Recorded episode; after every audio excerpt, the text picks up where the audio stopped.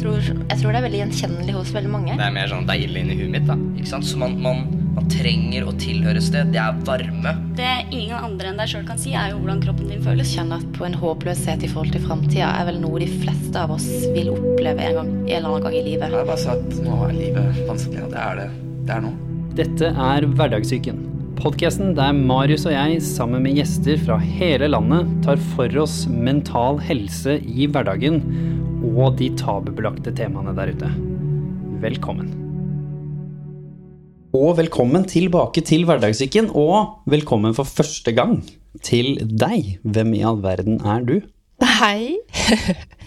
Jeg heter Pia. Pia von Hirsch. Jeg er eh, klinisk psykolog. Eh, tobarnsmor. Ja. Søster, datter, venn, kjæreste. Mm. Eh, og så er jeg eh, veldig engasjert i kunnskapsdeling, da. Så jeg driver og deler eh, psykologisk kunnskap på Instagram. At psykologpia. Mm. Og det er jo noe jeg gjør rett og slett fordi jeg syns det er gøy og givende. Ja. Men du er Det fins faktisk noen temaer som du er litt mer engasjert i enn andre, selv for deg, som er engasjert i Det virker som ganske det meste innenfor psykologi. Ja. Men hvilket tema var det du valgte når vi sa Pia, hva er det du engasjerer deg aller mest om, som du har lyst til å snakke om på Hverdagssyken? Ja. Da sa jeg at eh, jeg gjerne ville snakke om relasjoners betydning for den psykiske helsen. For det er eh, noe som eh, ja, engasjerer meg i veldig stor grad. Eh, det har egentlig Det har gjort det siden jeg begynte å studere, eller kanskje fra ja, mye tidligere også, men eh, det har jo blitt forsterket også etter at jeg begynte å jobbe som psykolog og opplevde at eh, det er liksom det som går igjen for de fleste. Det er der det kommer til kort. Eh, Når folk har det vanskelig, så er det stort sett også veldig vanskelig i relasjonene deres.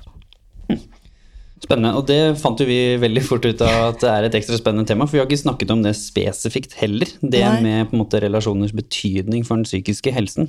Nei. Men vi liker litt å ta folk litt på kornet i form av at eh, alle der ute tror at de vet hva alle disse tingene betyr. For når man liksom hører sånne banale ord, vi har hatt episode om hukommelse, så er alle sånn jo, jo, men det veit jeg hva er. Ja.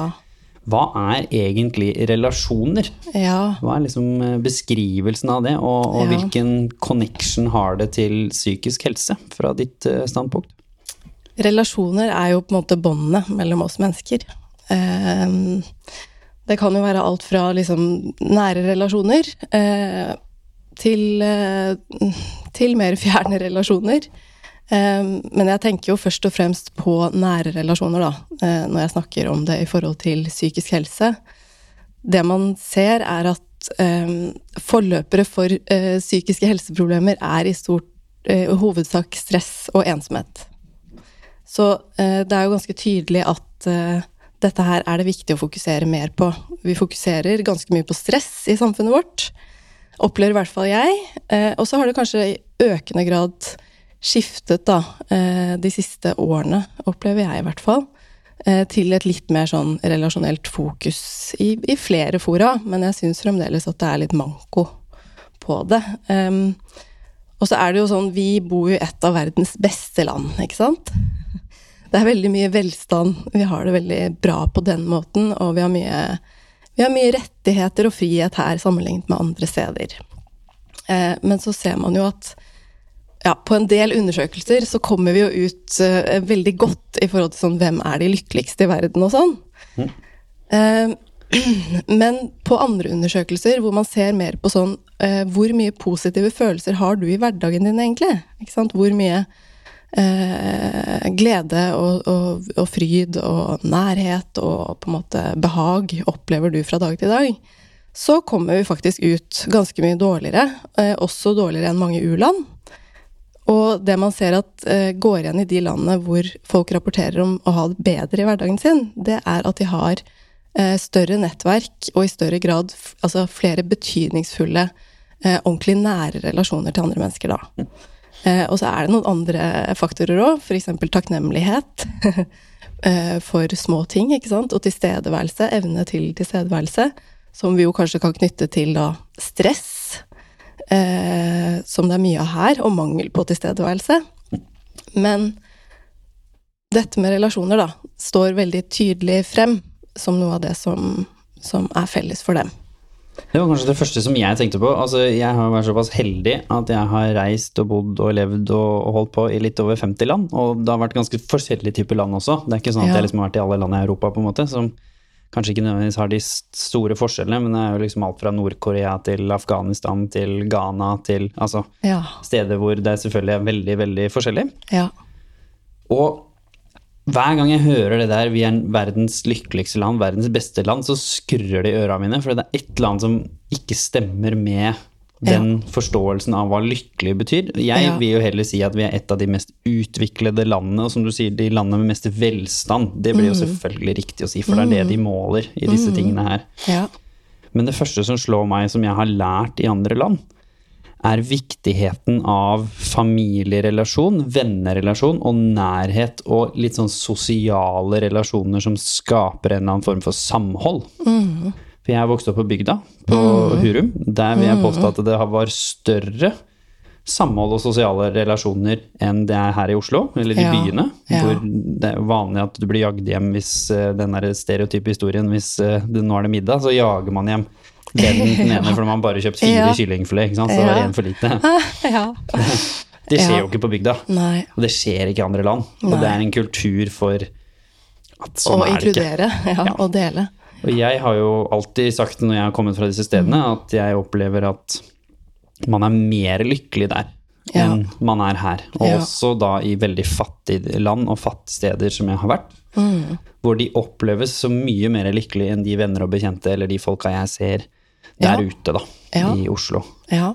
Så det er jo absolutt noe som jeg også har opplevd, uten å på en måte ha forska på det. At dette virker som det er en connection med den sosiale omgangen og det sosiale livet man har, da. Ja, ja, ja. Og det er jo litt sånn Ja, hva kommer det av, ikke sant? Det kan man jo Det er jo så mange ting man kan snakke om der, men eh, jeg tenker jo at eh, det handler jo i stor grad om at vi er så individualistiske. Eh, at vi er liksom en Vi har en litt sånn hyperindividualistisk kultur. Hvor på en måte mm, selve skal realiseres, ikke sant? Absolutt. og du skal være selvstendig, og du skal klare deg selv. Det vektlegges i veldig stor grad.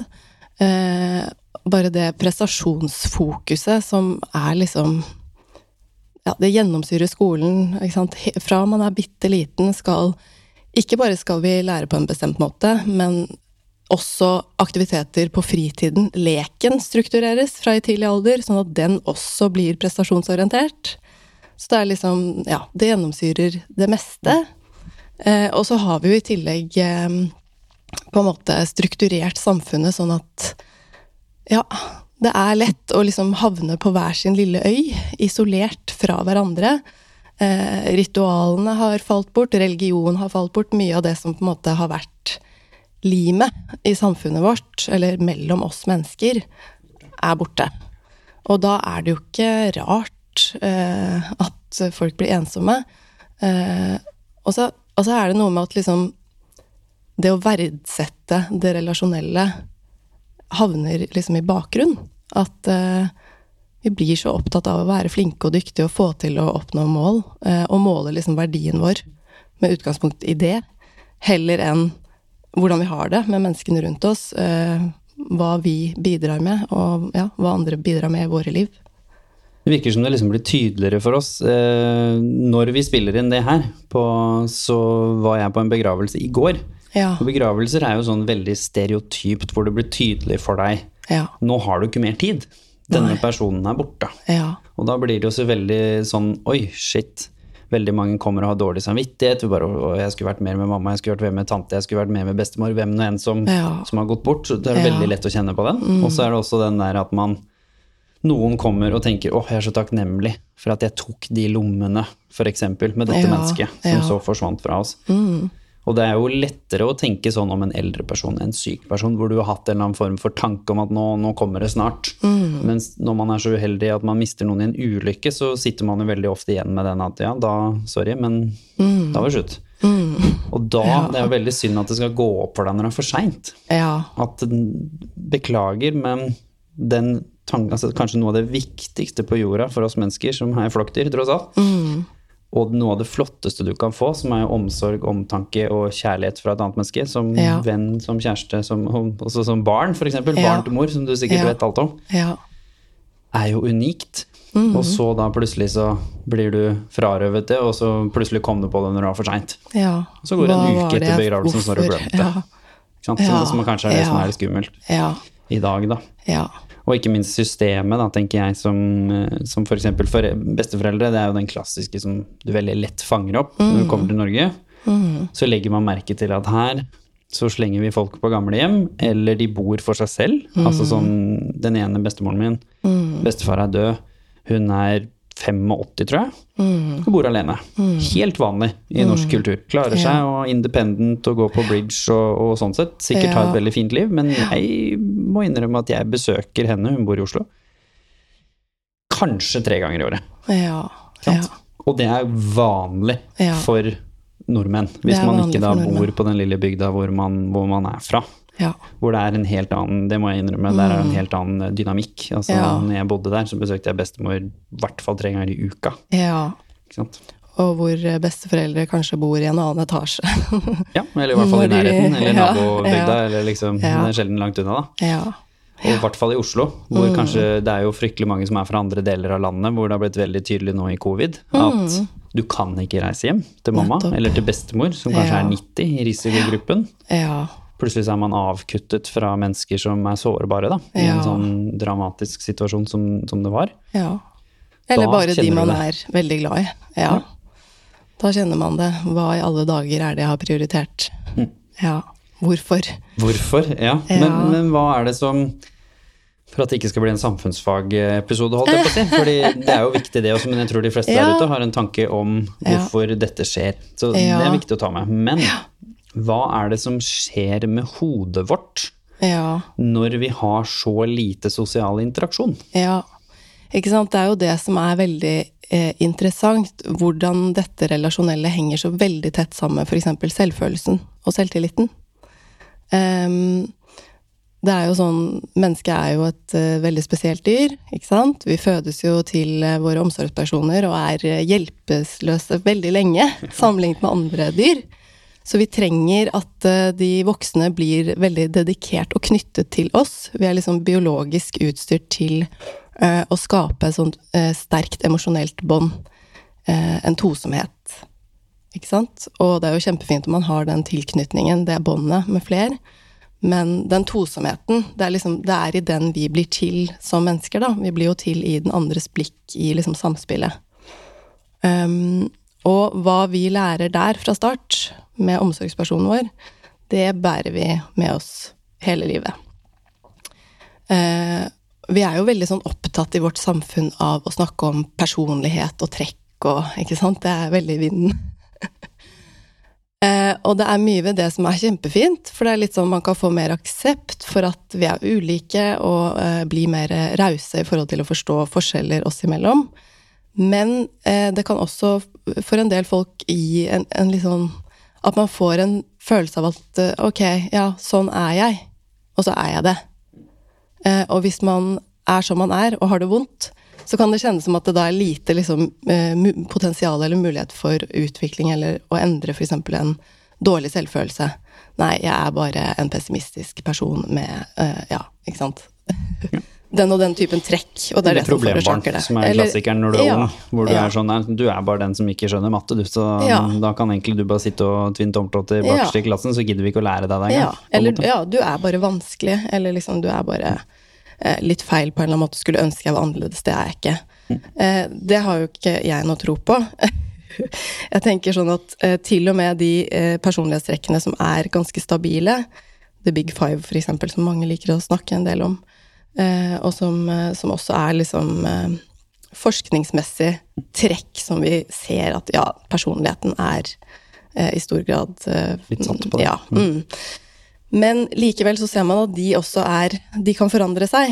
Eh, de endrer seg i løpet av livet. Personligheten stabiliseres for det første ikke før vi blir rundt 30 år. Eh, og så ser man også Det kommer mer og mer forskning som viser at også disse trekkene endrer seg senere i livet. Basert på erfaringer, og sant, særlig da relasjonelle erfaringer. Og store hendelser. Altså Store vi som hendelser. eh, har jo intervjuet 500 mennesker om deres livs Ja. tøffeste utfordring, Ja. ser jo at veldig mange av de beskriver en form for, som meg selv inkludert, var på vei en, et sted, en sti, en sannhet om hvem Ja. jeg var og ikke var. Ja. Noe stort skjedde, noe Ja. uventet. Ja. Og så plutselig så nesten kjører jeg en 360 på en måte, og, Ja. og går helt andre veien. George Ja. Floyd, som nå endelig det snakkes litt om hans liv, da.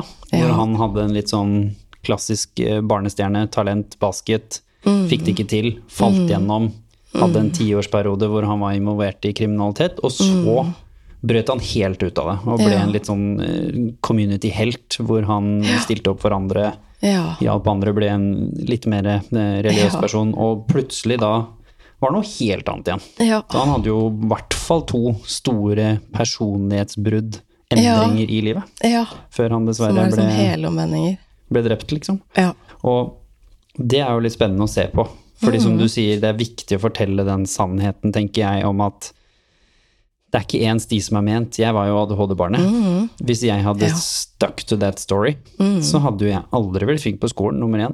Nei. Aldri fått til noe i nærheten av det jeg gjorde, og sikkert havnet på en helt annen sti. Det er ikke nødvendigvis at det hadde vært noe grusomt liv, det er ikke det jeg sier, men Nei. da hadde jeg ikke vært der jeg er i dag. Nei. Jeg hadde ikke følt på den, det engasjementet jeg gjør rundt f.eks.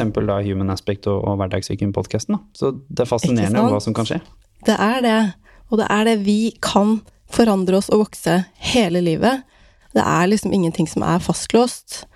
Um, og hvis man tar til seg litt den derre Ja, å forstå det at vi blir til i relasjon, så er det et sånn viktig steg på veien i forhold til å også eh, virkelig klare å tro på det at ehm, man kan vokse på alle mulige måter hele livet. Ehm, det som er med ehm, tilknytning, da, for å gå tilbake til det du spurte om i stad, eh, så er det jo sånn at eh, barnet trenger at eh, den voksne er der for å altså se dem, være tilstedeværende i nok grad til at de virkelig føler seg sett. At de voksne er interessert og heier på dem og tror på at de kan få til ting, uavhengig av hvordan det går på et vis, da, ikke sant? Og gjennom den typen tilstedeværelse så bygges en grunnleggende sånn mestringstro. Eh, barn som har mestringstro, de lærer mer. De kommer bedre ut av det, fordi at de tror ikke at evne er noe som er fastlåst eller forutbestemt. De tror på at jeg kan eh, tilegne meg hvilke som helst ferdigheter hvis jeg bare går inn for det. ikke sant? Eh, så den grunnleggende mestringstroen som man får med seg fra start, den eh, er jo kjempeviktig for videreutvikling. Eh, og så er det samtidig sånn at ja, ikke sant, så får kanskje barnet med seg en del av dette. Og eh, Eller ikke. eh, de vil uansett eh, på en måte bevege seg ut i verden, og så forsøke å utforske verden. Hvem er jeg, og hva kan jeg, og hvem skal jeg være her ute i denne verden? Så vil de oppleve motgang, utfordringer. Det smeller, det kommer til å være problemer, det er det for oss alle. Livet er helt jævlig bedritent iblant, og da vekker det masse vonde følelser. Ikke sant? Så når barnet er der ute, eh, ja, eller for så vidt inne i, kjernefamilien sin, så, så vil de oppleve motgang, da. Sånn at eh, man opplever sinne, man opplever tristhet, man opplever frykt, man opplever skam, skyld. Masse ubehag, som for et barn er helt umulig å forstå. Man har ikke kapasitet til å skape mening eller skjønne hvordan man skal håndtere det. Det er bare smerte på et vis, da. Og det blir jo til lidelse hvis ikke man får hjelp til å forstå at denne smerten, dette at jeg har vonde følelser, det er helt normalt, det er menneskelig, sånn har vi alle det, og vi må egentlig bare lære oss til å benytte oss av disse følelsene på måter som funker for oss. Det trenger barnet å lære også, av den andre, av den voksne, ikke sant? Kan du forklare litt Hvorfor er den overgangen der så viktig, som du sier nå, som jeg føler er et sånn ekstra viktig poeng, at hvis noe skjer, og det skjer alle, Om man ikke håndterer det, så går det over til lidelse, sa du. Ja. Hva er det som egentlig skjer inni hodet? Hvorfor skjer det? Hvorfor går det som i utgangspunktet er en, en utfordring, that a lot of people go through, men for noen så fører det da inn i en lidelse fordi de ikke tar tak i det eller ikke har støtten rundt seg, mens for andre som kanskje får støtten med en gang, så blir det bare en sånn liten ting som de nesten ikke husker. Det handler jo i veldig stor grad av, eh, om hvordan vi forholder oss til følelsene våre.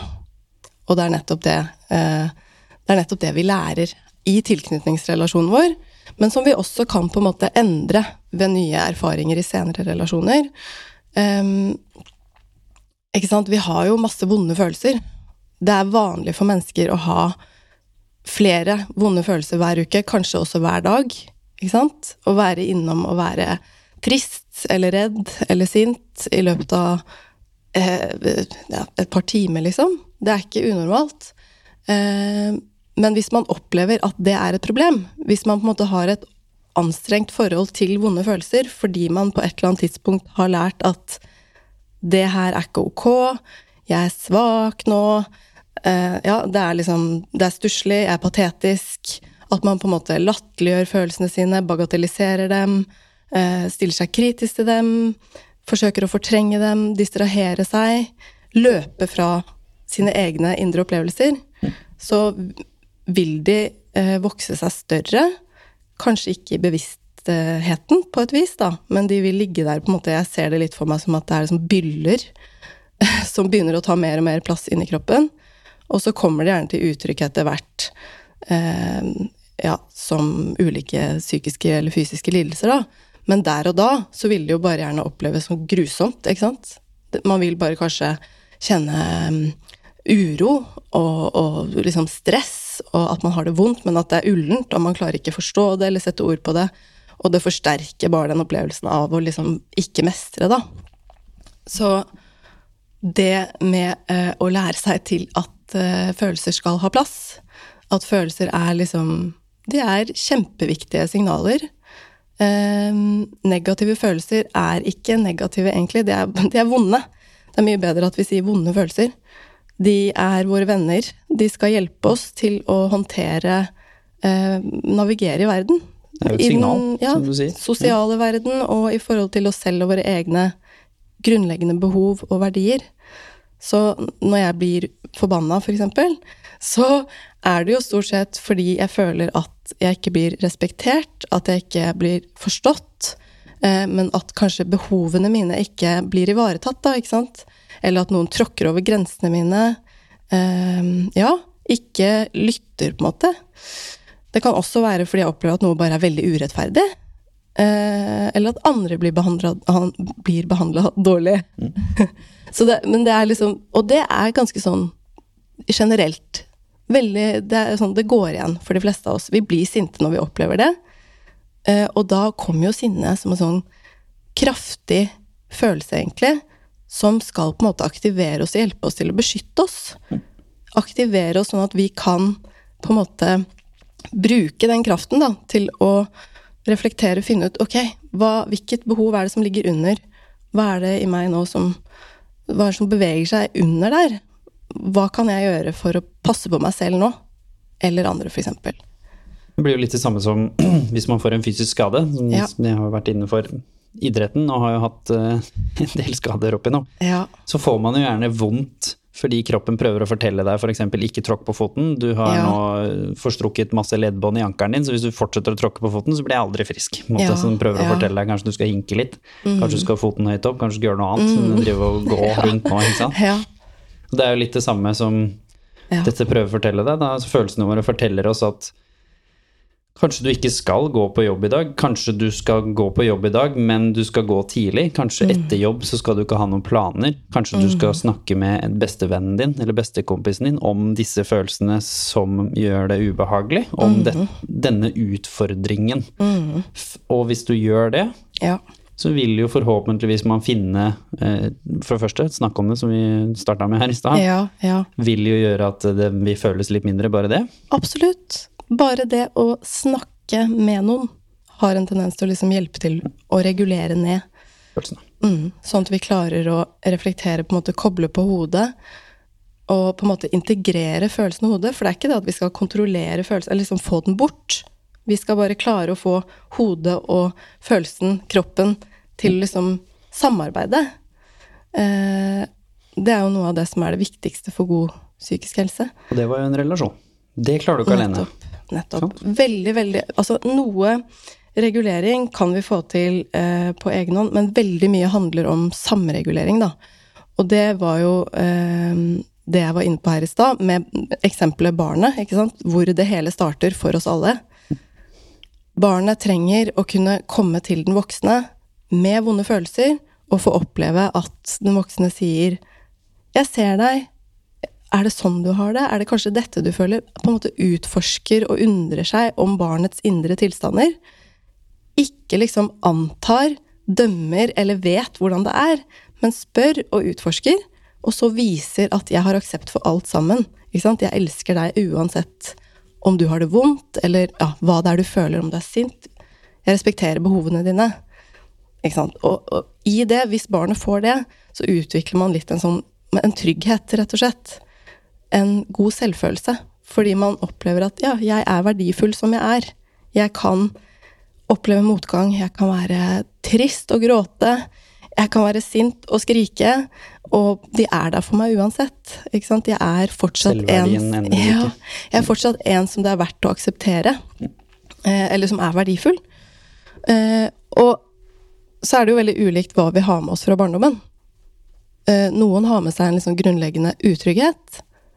En skjør selvfølelse. Fordi at man har ikke fått oppleve Man har ikke fått hjelp til å regulere og forstå følelsene sine. Og man har ikke fått den ubetingede kjærligheten eller aksepten. Eh, mange har kanskje heller ikke særlig mye mestringstro, fordi at de har ikke fått lov til å på en måte utforske fritt. Sånn at de mangler litt den sånn troen på at eh, ja, det, det, jeg er, og det jeg vil, det, det får jeg til. eh, og da har man jo litt mer å jobbe med, på mange måter. Men det kan man jobbe med i relasjon. Eh, eller det må man jobbe med i relasjon. Og det var vel egentlig det som var liksom slutten av det resonnementet mitt i stad. Mm. Men at, liksom, ja, at det er der det begynner, da. Og det er viktig for oss som er liksom ungdommer og unge voksne og voksne, å huske på det. At vi på en måte fremdeles må eh, forsøke å jobbe i relasjonene våre. Hvis vi vil ha det bedre selv. Både når det kommer til eh, selvfølelse og, og sånne ting, men, men, også bare sånn regulering av følelser, da. Nå har vi fått et stjernesosialprosjekt, egentlig, med covid. Fordi nå ja. har man jo litt sånn tvangskuttet ganske mange sosiale relasjoner, spesielt på jobb og skole. Mm. Og man har en del sånne underbevisste og bevisste sosiale relasjoner med kolleger ja. og medstudenter. Uansett om det er store eller lange. Hvor du får en eller annen form for anerkjennelse om hvem mm. du er og ikke er. Flink, mm. ikke flink. Mm. Verdig, ikke verdig. Flere mm. ganger i løpet av dagen. Underbevisst og bevisst. Så hva er det som på en måte skjer når de blir borte? For det er også ganske sånn klassisk, ser vi, at hvis man sliter, mm. så har man en tendens til å isolere seg mer. Selv om mm. kanskje sånn underbevisst så vet nok de fleste der ute at det å snakke om det og det å være med mm. andre mennesker er egentlig bra. Mm. Men så slutter man denne litt den ja. klassiske vi slutter å trene, vi slutter å sove. Altså vi, vi gjør så mye mm. dumt når, ja. Ja. når vi sliter. Hvorfor Hvorfor tror du det er sånn at det, er nest, det virker som det er mer naturlig for oss mennesker å isolere oss enn å søke mennesker når vi har det vanskelig? Ja, da tenker jeg også at vi er litt tilbake til uh, kultur her. Um, vi snakket om det i stad, eller du snakket om det, at um, på bygda så er det annerledes enn i byen og sånn, i forhold til en del ting. Men noe vi Jeg opplever at er sånn typisk nordmenn, er at vi, vi er litt sånn unnvikende. Vi har en tendens til å undertrykke følelser.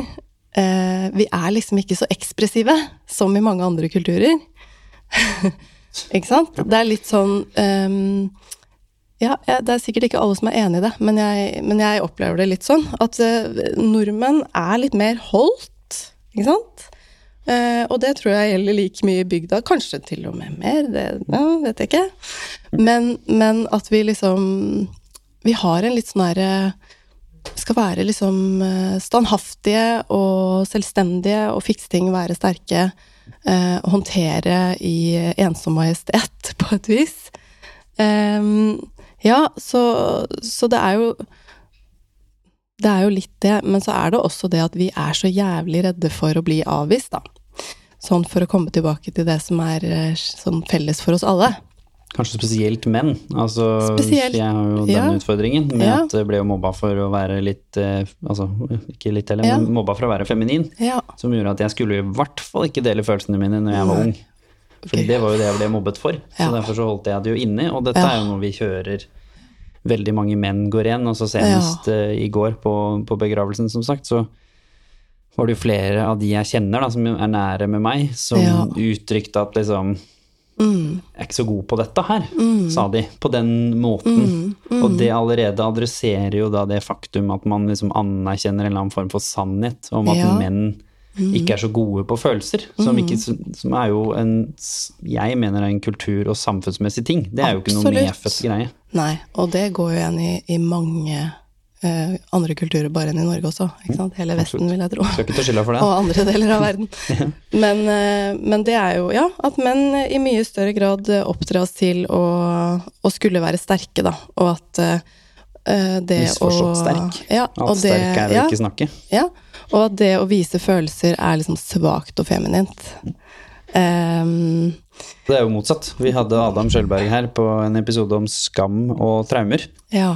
Hvor han fortalte det samme som, som jeg fortalte, at når vi åpnet oss og var sårbare som menn, så ble det en sånn fascinerende effekt som jeg personlig ikke så komme, og ikke han heller, hvor de mennene rundt oss nesten så på oss som eller de så på oss som sterkere enn de uttrykte at de så på oss som sterkere, Ja. og som mer på en måte Ja. rollemodell og, og Ja. noe bedre, da. Og det var veldig sjokkerende for både. Adam og meg, som har hatt en lignende oppvekst hvor vi har blitt fortalt at menn Mm. du skal være sterk, du skal ikke sutre så fælt, du skal ikke snakke om følelsene dine, og så skal du bare deale med det, og så ordner det seg. Så når vi ser jo at i dagens samfunn, litt sånn underbevisst i sinnet til oss mennesker, så ser vi egentlig på sårbarhet som Ja. noe veldig tøft og sterkt, ja. egentlig. Og det er jo tilbake til det at da føler vi jo at folk våger å være sånn som de er. Ikke sant?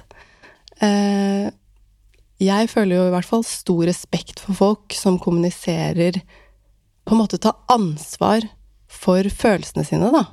Ikke sant? Ved å fortelle og snakke liksom sant om at dette er mine følelser, og eh, det at jeg reagerer sånn, og det tror jeg handler om dette og dette behovet. Jeg trenger det her fra deg, kan du kom, komme meg i møte på et eller annet vis? Så er det jo Man blir jo litt sånn Oi, wow.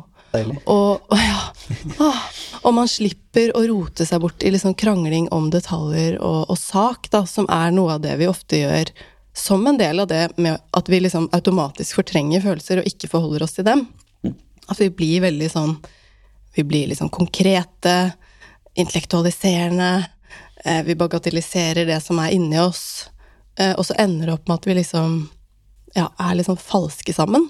Noen dårlige kompromisser som egentlig ikke funker for noen, Ja, dessverre. Og så, og så er jo det Hvis man holder på sånn, med å holde folk på avstand på den måten, for det er jo det du gjør som mann eller kvinne, Absolutt. hvis du ikke deler følelsene dine eller forteller om det, eh, at du slipper jo ikke folk inn hos deg. Du frarøver deg selv muligheten til å oppleve en ekte nærhet.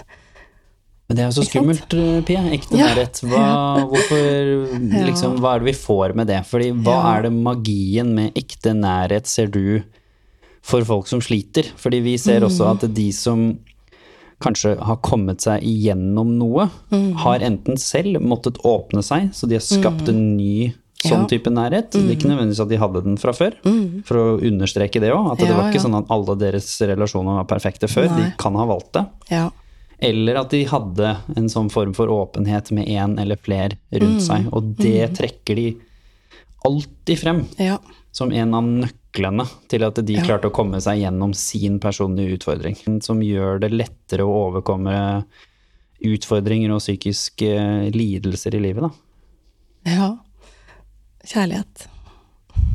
det er litt sånn flåsete å si det så, så enkelt. Jeg regner med det kommer en, eh, en mer utdypa forklaring også, men ja. Ja, nei, men altså Når du tillater deg selv eh, og, Altså, du tar deg selv på alvor. Du respekterer deg selv. Det er jo det man gjør når man lytter til følelsene sine. Og altså For mange er det en kjempelang vei i seg selv, ikke sant? Eh, veldig mange som kommer til terapi, må jobbe med det på en måte alene lenge først. bare det å lære seg til å kjenne følelsene, fordi at man har et helt sånn av, så avskåret forhold til følelser og egen kropp og sånn. Eh, og, og jobbe med å på en måte opprette kontakt lenge og klare å sortere og forstå sitt eget indre liv. Eh, men så kommer den delen da med å uttrykke og dele med noen, og hvor man på en måte gir seg selv muligheten til å bli sett og få oppleve at man kan bli akseptert for å være akkurat den man er. Snodig det der. Ja. Og det, det vil vi jo aldri oppleve hvis vi aldri viser frem hvem vi egentlig er. Mm. det er liksom Ja, vi kan, vi kan komme veldig langt alene, men vi får det liksom ikke bra fordi Altså, til syvende og sist så er det kjærlighet det handler om, da. Og så ser vi jo unge mennesker i dag, i dagens samfunn, i Norge. Vi skal først og fremst snakke om Norge, men dette ser vi som når vi har sett på forskning rundt omkring i, i verden også, at det er ganske like trekk i de moderne samfunnene, i hvert fall. Ja. Så ser man nå at unge har havna i et enda større prestasjonspress, et enda mer individualistisk press. De selvfølgelig lever og har levd med sosiale medier hele tiden, som får de til å Det virker som de går rundt med en tanke om at de kan bare glemme å være seg selv. Fordi det Ja. er ikke greit, og Ja. det er ikke bra nok å være seg selv. Der ser vi en del store utfordringer, og at Ja. dette virkelig slår inn. Fordi Ja. de lever faktisk 100% med en maske. Ganske Altså, jeg vil påstå liksom Tror du ikke det er 90 sånn av det. her også, i stor grad? Absolutt. Ja, Det er det jeg mm, opplever når jeg snakker på videregående og Ja. på ungdomsskoler, så opplever vi det. Veldig mange av dem kommer bort til oss. Meng Ja. sier det. Simen Almås eh, og flere store foredragsholdere jeg kjenner, som får enormt med feedback fra unge mennesker. Vi snakker om hundre til tusenvis av mennesker som tar Mm. Kontakt med Ja. Ja. Som uttrykker noe av det samme, da. De Ja. trekker opp denne samme eh, tanken som meg, om at det virker som at ungdom tror at det å være deg selv, ja. da er du ikke bra nok, da vil du ikke bli akseptert, og du vil bli ansett som lavere i det sosiale hierarkiet i, i, i Norge i dag. Jeg blir helt kvalm, jeg. Det er så vondt. Men hva Men, skjer da eh, med disse ungdommene? Hva, hva er det man går gjennom da, når man går rundt og, og opplever det som en sannhet? Nei, det er jo dyp, dyp ensomhet, da. Antagelig ganske mye smerte. Eh, det, er det ser vi jo i Norge at det er det noen av de skremmende eh, statistikkene som øker, så er det jo den på ensomhet. Jeg tenker jo at det i veldig stor grad handler om ukritisk bruk av teknologi, sånn som det har blitt. Ikke sant? Ja, sosiale medier. Muligheten til å måtte leve gjennom sitt ideal selv. Og det er jo det. Vi har jo alle Jeg har jo liksom en idealversjon av meg selv. Pia. Sånn Altså mitt ideal Pia. Det vil alltid være et gap mellom henne og meg. Og så er det litt sånn Ja, det er liksom det å være menneske, da. Og på en måte romme det. Men når man da lever i veldig stor grad på sosiale medier, og på en måte bare presenterer det, så blir jo det gapet kjempestort da, i det virkelige liv. Så det er jo det er det jo mange som også beskriver, at på en måte angsten for å på en måte ikke leve opp til eller prestere eller være sånn eller se ut akkurat sånn, eh, ja, fremstå sånn både personlighetsmessig og utseendemessig, er noe som skaper eh, masse uro og ja, ubehag og avstand, ikke sant? At man på en måte ja, er eh, fjerne fra hverandre ved å spille roller når man er sammen, da. Vi ser det vel kanskje spesielt på folk som blir kjente. Gjerne kanskje spesielt i ung alder eller gjennom en serie. Skam i Norge ble jo selvfølgelig en enorm hit, både nasjonalt og internasjonalt. Og der ser vi jo at flere de som var med i serien, som selvfølgelig spilte en rolle. mm. selvsagt var mange av de som ikke var fulltidsskuespillere, så de, de la nok kanskje mye av seg selv i rollen. Det vil jeg nok eh, si, på bakgrunn av de jeg kjenner. Ja. Men allikevel en rolle. Og så kommer man ut, og så skal man liksom være seg selv igjen. Det går jo ikke, fordi da er du Plutselig alle disse rollemodellene. For det er jo, når de ser deg på gata, så ser de jo ikke deg. De ser jo denne personen de så i serien. Og da får vi jo ekstremversjonen Ja. av hva som skjer når Ja. du er anerkjent for en form for Det er jo ikke nødvendigvis en idealcell engang, det er jo en, en kunstig selv, Ja. på en måte. Og den effekten av det virker å være dramatisk utfordrende Ja. eh, for mange av dem. Og noen Ja. av de har sikkert håndtert den flott, og andre har uttrykt at det Ja. har vært veldig vanskelig Ja. Ja, ja, ja. bli seg selv igjen, da. I, med, i, spesielt i relasjon med andre, da, selvfølgelig. Som ikke kjente dem. Og kampen blir bare Ja. forsterket uh, ganger 1000. Det er jo ganske lett å se for seg hvor uh, Tenker jeg, for de fleste av oss, hvor, hvor tøft det må være når vi kan kjenne det selv, uh, uten å ha blitt satt Ikke i den situasjonen. Ja.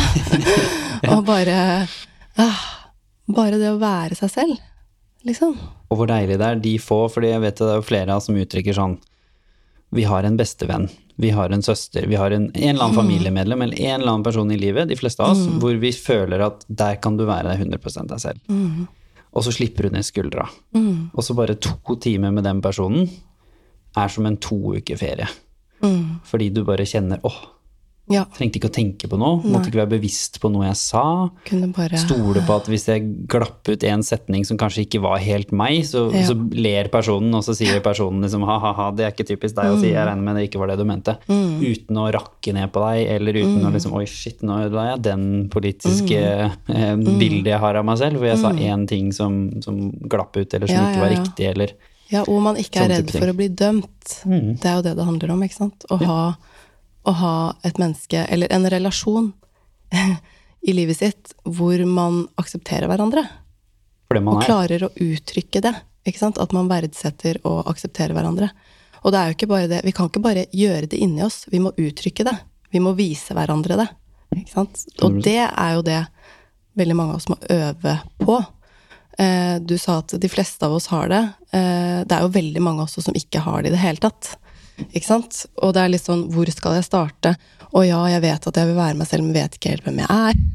Uh, Ja, det er jo veldig mange sånn Det er komplisert, men tilbake til uh, dette med tilknytning. Ikke sant? Hvis du har lyst til i voksen alder eller som ung voksen å utvikle en nær relasjon, så er det veldig viktig å tenke på akkurat de tingene som jeg snakket om i start. Fordi når vi blir voksne, så trenger vi akkurat de samme tingene i relasjonen vår.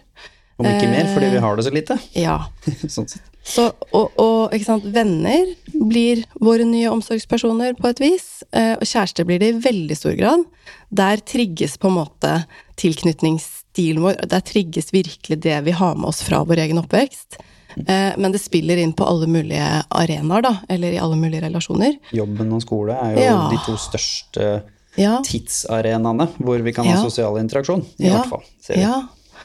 Ikke sant? Og så er det jo Men akkurat det her vi eh, snakker også spesifikt om psykisk helse, ensomhet. Hvis man har det veldig vanskelig, så er det kanskje litt sånn ehm, Jeg tror ikke nødvendigvis det beste stedet å starte er å bare kaste seg ut og prøve å være liksom hypersosial. Det er heller å prøve å se som etter et menneske som man tenker liksom ja, vi har samme verdier, eller potensial, jeg ser potensialet, liksom. Eller om det er en man har i livet sitt som man verdsetter, men ønsker å komme nærmere, da. Og så tenker liksom at det er fint å starte med å jobbe i tosomhet, hvis det man vil er å på en måte eh, få mer kjærlighet i livet sitt, få mer nærhet, og kunne også gjennom det styrke evnen sin til eh, å forholde seg til følelsene sine, ikke sant? Fordi ved å dele, regulere sammen med andre, um, men uh, hva er det jeg skulle si? Jo, at, um, at man tenker på det. Er det sånn Er det gjensidighet her? Støtter vi hverandre? Viser jeg at jeg er interessert? Viser jeg at jeg virkelig vil lytte? At jeg er interessert i den andres indre liv? Ehm, ja. Vi må, veldig mange av oss må øve oss mye på det, og lytte. Fordi vi bare er helt fanget i vårt eget og ja, fokusert kanskje på å ikke bli dømt, som du snakket om her i stad, eller på å prestere, også relasjonelt. Tiden. Utmattende, ikke sant?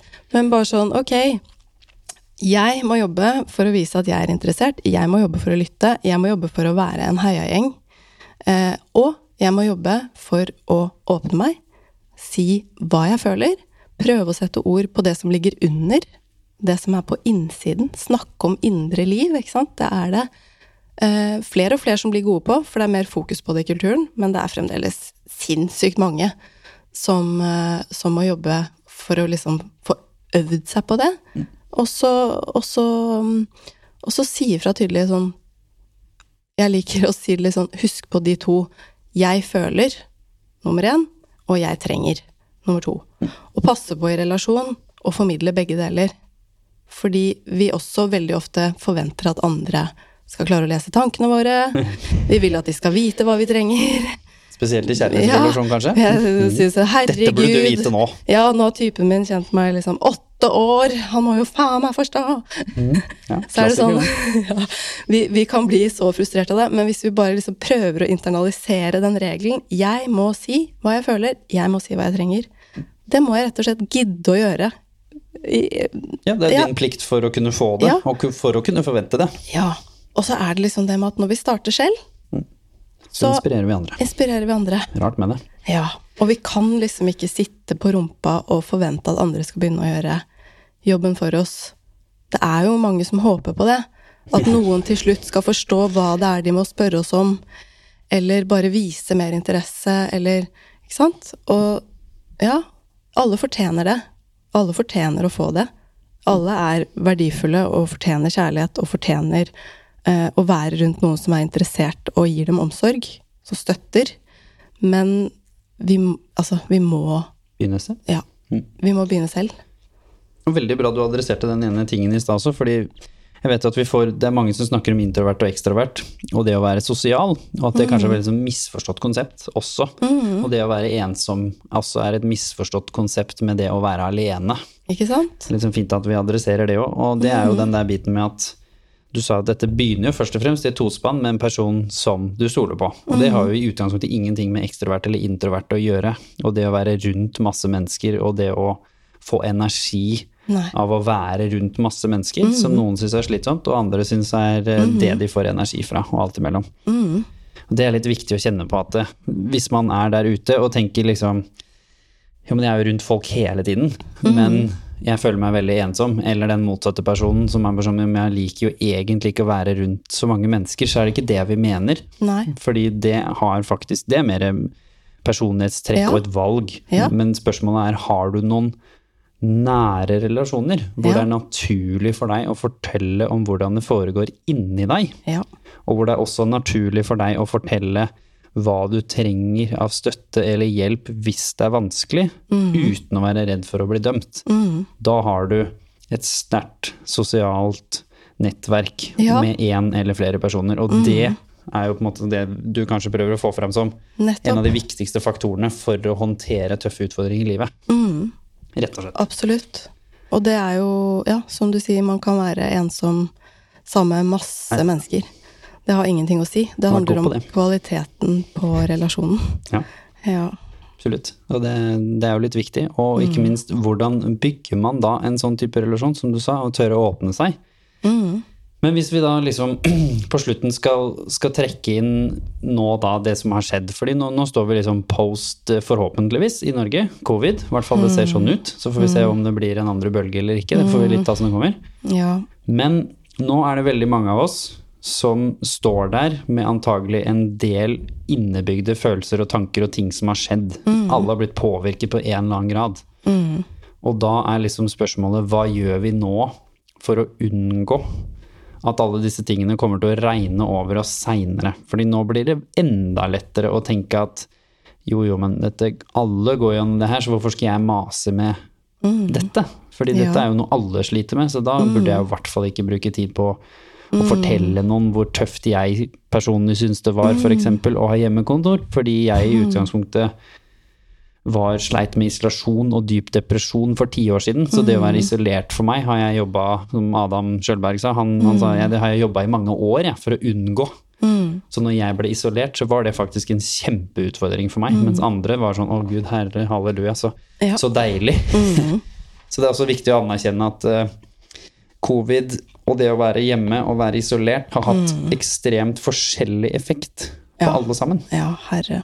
Så hva gjør vi nå? Hvordan skal vi sørge for at vi klarer å bygge relasjoner som gjør at vi kan fortelle hvordan vi føler, og hva vi trenger? Hva ville du sagt til folk der ute? Ja. Det var liksom På en måte så føler jeg jo at vi har uh, snakket om det. Um, Liten oppsummering. Ja.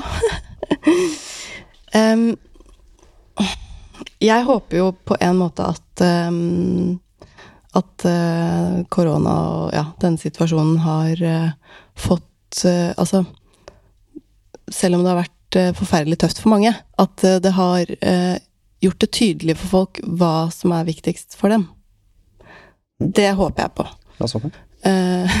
Hva sa du? Ja, la oss håpe det. Ja, og at ja. man kanskje skal være mer Ja, til og, stede. ja, og jeg tror, jeg tror at for veldig mange så har det handlet om liksom Ja, hva er det jeg prioriterer i livet mitt? Og for mange så har det endt opp med å bli liksom veldig tydelig at det er jo hvem jeg har.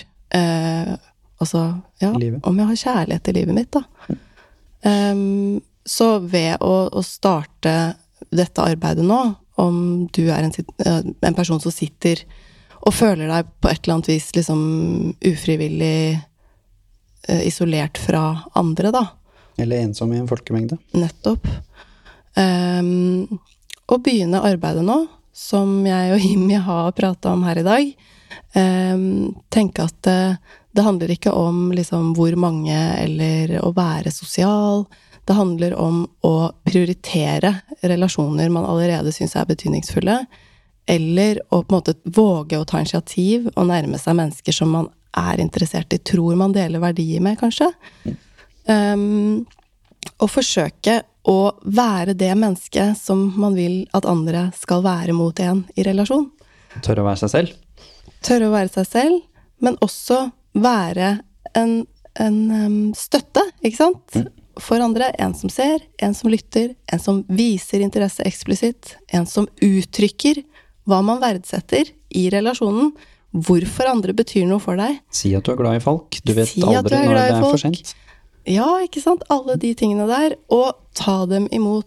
Eh, still spørsmål om hvordan folk har det en ekstra gang. Grav. Vis at du faktisk er ordentlig interessert i å vite Og sett deg ned. Ikke si det Ja. på vei ut døra. nettopp hva er det som beveger seg bak fasaden der.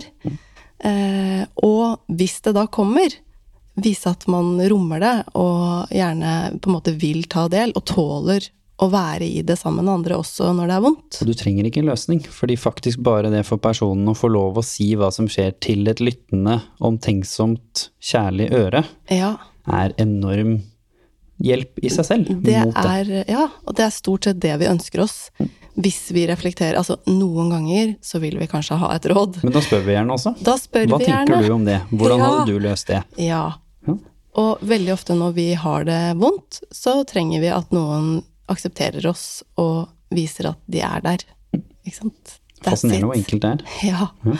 Eh, så ja, det er jo litt sånn at hvis man ønsker nære relasjoner, hvis man ønsker at eh, noen skal være den for deg som du trenger, så må du prøve å starte med å være den eh, for noen du anser som verdig, da. Og det syns jeg faktisk er viktig å si helt på slutten her, fordi eh, det må være et menneske som eh, viser gjensidighet. Ja. Som viser at de er villige til å prøve når du formidler hva du føler og hva du trenger. Ellers kan det være en dårlig relasjon som kan være skadelig for deg. Og det er jo også mange Nei. som strekker seg altfor langt og blir i ting altfor lenge. Da er vi tilbake til at da respekterer du jo ikke dine egne behov. Da lytter du ikke til dine følelser. Da vil stort sett den relasjonen være destruktiv for begge parter over tid. Ja. Ja. Og hvis du ikke helt vet sånn i voksen alder, da, for der er det litt mer vanskelig når man, går på, når man studerer, og liksom, så er det jo lagt opp litt til at det skal være lettere å bygge relasjoner, men som voksen så er dette vist seg veldig komplisert for mange. Og da, jeg har jo flytta litt rundt, da, som har gjort Mm. Ja. at jeg har jo ikke hatt noe valg, for jeg flytta alene, så jeg har jo måttet bygge Ja. relasjoner. Ja. Så har du selvfølgelig ny, altså ny jobb, hvis det er noe, det er noe, noe, men for meg så er det letteste stedet vært aktiviteter. Ja. Hvor jeg søker en aktivitet hvor jeg vet at ok, før ryggskaden, elska å spille fotball, elska å spille basketball, drive med volleyball, altså alt form for lagidrett. Da finner du ut, da. Er det noen steder rundt meg hvor de driver med det på det nivået jeg ønsker å drive? Om det bare er sosialt eller om det er konkurransenivå, det er egentlig litt det samme. Og så har man noe til felles, for da er jo den der isen og det som viser seg å være litt vanskelig for oss nordmenn uten alkohol, å snakke med mennesker vi ikke kjenner, ja. det er ganske mye lettere. Fordi Ja. på en fotballtrening så er det ikke så vanskelig å spørre hvilket lag heier du på? Ja. Hvorfor er du her i dag? Ja. Så du kampen i går? Ja. En stund siden vi kan si det nå, dessverre, hvis du ikke heier på tysk fotball. Men, men der er det veldig mye lettere. Og det samme f.eks. ja, på et kunstklubb, men også events. Det trenger ikke være idrett. Det kan være politiske, engasjerende Ja, ja. events. Ja, ja. tilbake til Ja, ikke sant. Verdier, som jeg sa. Eller interesser. Mhm. At det er liksom uh... God start, i hvert fall. Kjempefint. Det er jo de som ikke har noen. Ikke sant? Og kjærligheten, da. For de av dere som er single, meg selv inkludert, så er det jo lov å bruke de hjelpemidlene man, man har. Selvfølgelig man kan møte folk eh, old school Ja. med å være så heldig at du butter huet på over samme Jarlsbergen inne på Rema 1000, men det skjer ikke så ofte. Nei. Personlig tror ikke jeg man treffer eh, de man skal finne kjærligheten så fryktelig ofte på en bar eh, langt nedi i et vin eller et ølglass heller. Men, Klokka tre. klokka tre. Men f.eks. på venners venners fest, på bursdagsfeiringer, Mm. Ja. på større sosiale settinger, men også selvfølgelig digitale hjelpemidler som er der. Altså Mm. matchingtjenester. Ja, ja, ja. Hvis du da, og her kommer dagens utfordring, folkens. Hvis du faktisk er så gal, jeg vet at det er å være gal, tør å portrettere profilen din da som den du mener at du er, ikke den beste versjonen av deg selv, men den du mener du er, med alle interessene dine, så kommer det til å skje noe veldig rart. Da kommer du mest sannsynlig til å tiltrekke deg et menneske som er en som liker det. Mens hvis du portretterer den beste versjonen av deg selv, så skal jeg love deg at da kommer du ikke til å få de gode matchene for Nei. langtidsrelasjon, i hvert fall. Så må Ja. du selvfølgelig selv bestemme hva slags relasjon du vil ha. Men nå snakker jo vi om en nære kjærlighetsrelasjon her. Ja. Så det er dagens utfordring. Hvis du skal Ja. inn på digitale plattformer, eller er der allerede, prøv å vise deg fra den siden du faktisk mener du er, da. Og ikke bare polished version with a filter. Så se hva som skjer. ja. Tilbake til eh, sårbarhet. Ja. Sårbarhet er er styrke. styrke. 100%. Men hvis du skulle liksom avsluttet episoden med et litt sånn eh, råd fra hvordan du jobber med mennesker som sliter med relasjon, da. Så du liksom skulle avslutte med én ting folk kan tenke på, som er liksom eh, den største lærdommen du har tatt med. Ikke nødvendigvis noe folk må gjøre, men en litt sånn aha-sannhet som du har lært med det å jobbe med viktigheten av relasjoner for å ha en god psykisk helse. Oi. Eller to. Det kan godt være to. Trenger ikke bare være én heller. Ja Nei, altså Jeg tenker jo at uh, det, det som er tydelig, er jo at uh, vi helbredes i relasjon. Rett og slett. Sånn er det. Så har du det vondt, trenger å helbredes, så er det litt dumt å gjøre det alene. Ja, de fleste får det ikke til. Altså, det gjenstår Jeg har ikke hørt om det. Altså, da ender jo folk stort sett opp med å dra til terapi til slutt. Ja. Hvis ikke de Ikke for det, det er viktig den at du har jobb, men vi skal ikke oppfordre folk til, til å havne i terapi bare på gøy. Nei, ikke sant. Og, ikke sant? Ja, nei, det er det. Da, da er det på en måte Det er stort sett der det ender, da. Men da har det ofte kanskje gått veldig lang tid. Eh, så det er jo mye bedre å starte veldig tidlig. Eh, og forsøke å åpne seg og vise sårbarhet og tenke at liksom det, Den største styrken vi mennesker har, er den evnen til å knytte bånd. Også, det er så ekstremt belønnende for oss. Belønningssystemet i hjernen eh, fyrer som bare det når vi på en måte gir og deler og er Altså, vi er bygget for å være sammen og være empatiske og medfølende og nær hverandre. Så det er jo liksom Start der. Ikke start med å tenke på uh, alt du ikke mestrer, og forsøke å mestre det.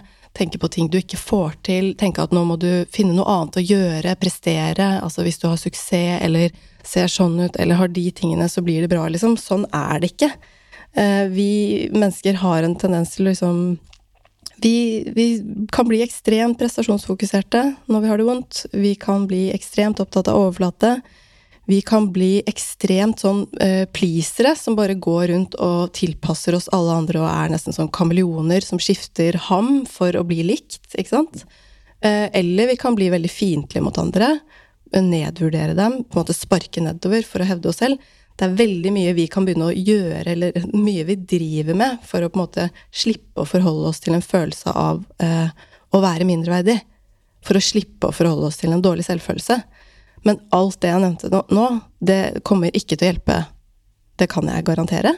Og skader jo til Det og med ganske ofte andre. Det skader både deg og andre. Kanskje du ikke merker det med en gang, men du vil merke det over tid. Det er 100 sikkert. Eh, vi kan på en måte ikke behandle våre eh, såre hjerter, da, kan du si, eller en skjør selvfølelse ved å holde på på den måten. Vi må på en måte jobbe for å grave oss inn i det som er sant for oss, finne ut av hva vi føler, finne ut av hva som er våre viktige behov, og være åpen med andre. Nærme oss andre. Vise at vi vil være nær andre. Og det er rett og slett, som du sa i stad, mulig å graverende endre sannheten i ditt liv, om det gjelder psykisk sykdom, fysisk sykdom, eller sannheten rundt hvorfor du har det vanskelig, eller hvorfor du ikke er bra nok. Den har tusenvis, hundrevis, millionervis av mennesker endret for deg. Så det klarer du også, men ikke nødvendigvis, og veldig sjelden alene. Veldig sjeldent Begynn å alene. dele med noen andre, da.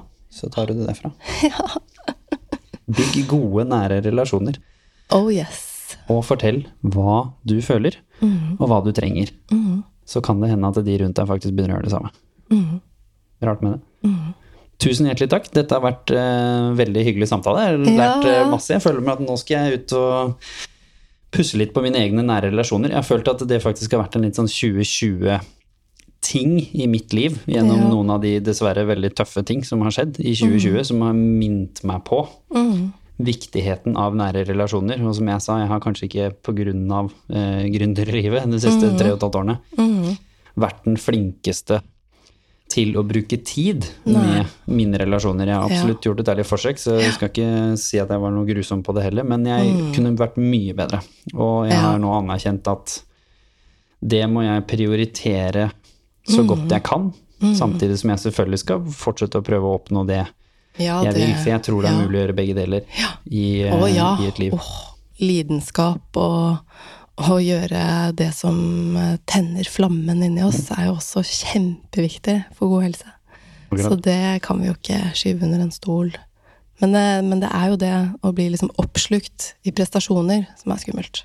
Og det kan jeg ærlig innrømme at det hadde jeg perioder tidligere hvor jeg å, var helt, eh, helt liksom uh, lost, selv om jeg selv om jeg alltid har liksom vært ganske opptatt av nære relasjoner, så hadde jeg en ganske sånn en fase der hvor jeg var liksom Jeg var så ja, liksom prestasjonsorientert og perfeksjonistisk på et vis, da. Og så opptatt av å få liksom gode karakterer og at øh, ja, jeg ble helt utslitt. Det var altfor mye grubling og bekymring og hadde ikke bra. Levde liksom i fremtiden, hadde en altfor sterk indre kritiker og Så ja, skal ikke jeg gå inn på hele den reisen der, men når jeg på en måte fant ut at ja, men hva er det livet handler om for meg? Altså jobbet for å få god kontakt med mine grunnleggende verdier, viktigste behov. Tilknytning, tilhørighet, mening, eh, mestring, utvikling, ikke sant. De tingene, mange av de tingene vi har vært innom i dag. Så hva er det for meg? Hvordan ser det ut? Så klarte jeg liksom å refokusere. Og det er det jeg tror veldig mange av oss trenger, da, for å finne ro, og så klare å være oss selv og trives med det. Helt enig. Takk for at du har tatt den reisen, og deler litt med oss også, fordi det, det ligger jo mye i det du sier. Og tusen hjertelig takk til dere som hører på, nye eller eh, gamle lyttere, holdt jeg på å si. Vi setter pris på dere alle sammen. Og det som er fascinerende med hverdagssyken, når det slenges inn nye ord som vi ikke nødvendigvis adresserer i denne episoden, er at sjansen er ganske stor for at vi snakka om det før. Ja. Så nå snakka jo du om en indre kritiker. Her hadde vi Trygve Skau, så den episoden finner dere hvis dere vil grave og kjenner dere igjen i at du, den, den er litt eh, ivrig i mitt liv. Ja.